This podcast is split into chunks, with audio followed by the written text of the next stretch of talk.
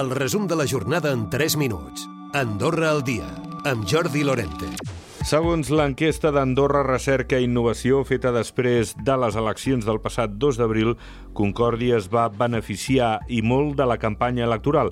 Va donar-se a conèixer i va obtenir molts vots durant aquests dies de propostes electorals. També Andorra Endavant s'ha demostrat que ha aglutinat sufragis de diferents ideologies. Són algunes de les qüestions que en destaca aquesta enquesta postelectoral. També que s'ha mantingut el 60% dels vots per part de demòcrates, que ja va obtenir el 2019, i que Xavier Espot torna a ser el candidat més ben valorat.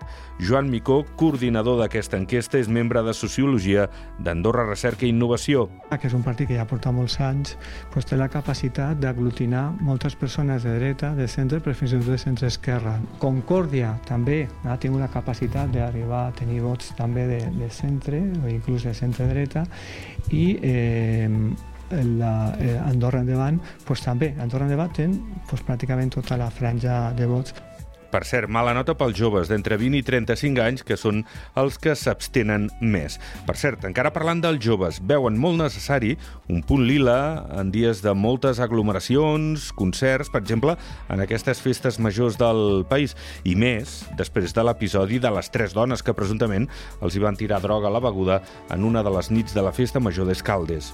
I crec que és algo molt important per quan et trobes en una d'aquestes situacions saber on anar a recórrer. Com que se eh, senteix més protegida. Però saber saber que hi ha un punt lila a la meva parròquia i que està just al costat de la festa tranquil·litza. Está muy bueno para ir a reclamar y decir algo para que nos ayude la gente. És algo molt necessari ara, també per, per la gent que no sabem com assistir a una persona que acaba de patir un atac o alguna cosa. Que me parece muy bien que esté este punto, así nos sentimos más protegidas y, bueno, y acompañadas, ¿no? El Tribunal Europeu de Drets Humans acull una dotzena de causes a l'any que provenen d'Andorra. El magistrat andorrà la institució, Pere Pastor, assegura que moltes, això sí, estan mal fundades. Més o menys tenim una dotzena de, de, de casos doncs, de que entren a Andorra i la gran majoria, pràcticament tots, estan re rebutjats tota manera doncs, de que el tribunal, o en tot cas els filtres del tribunal, consideren que les demades contra Andorra estan manifestament mal fundades. L'aeroport d'Andorra, la Seu, ha tingut un 16% menys de passatgers durant el primer semestre en comparació amb el 2022.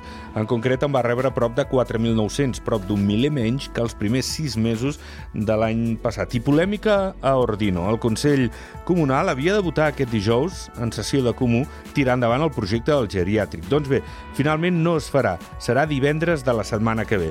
L'equip comunal ha preferit millorar el plec de bases del projecte. La minoria n'ha criticat les formes. I la nova concessió de Saed ha enfrontat també aquest dijous majoria i oposició, en aquest cas el Comú en Campadà. Els segons acusen la cònsul de manca de transparència en el procés.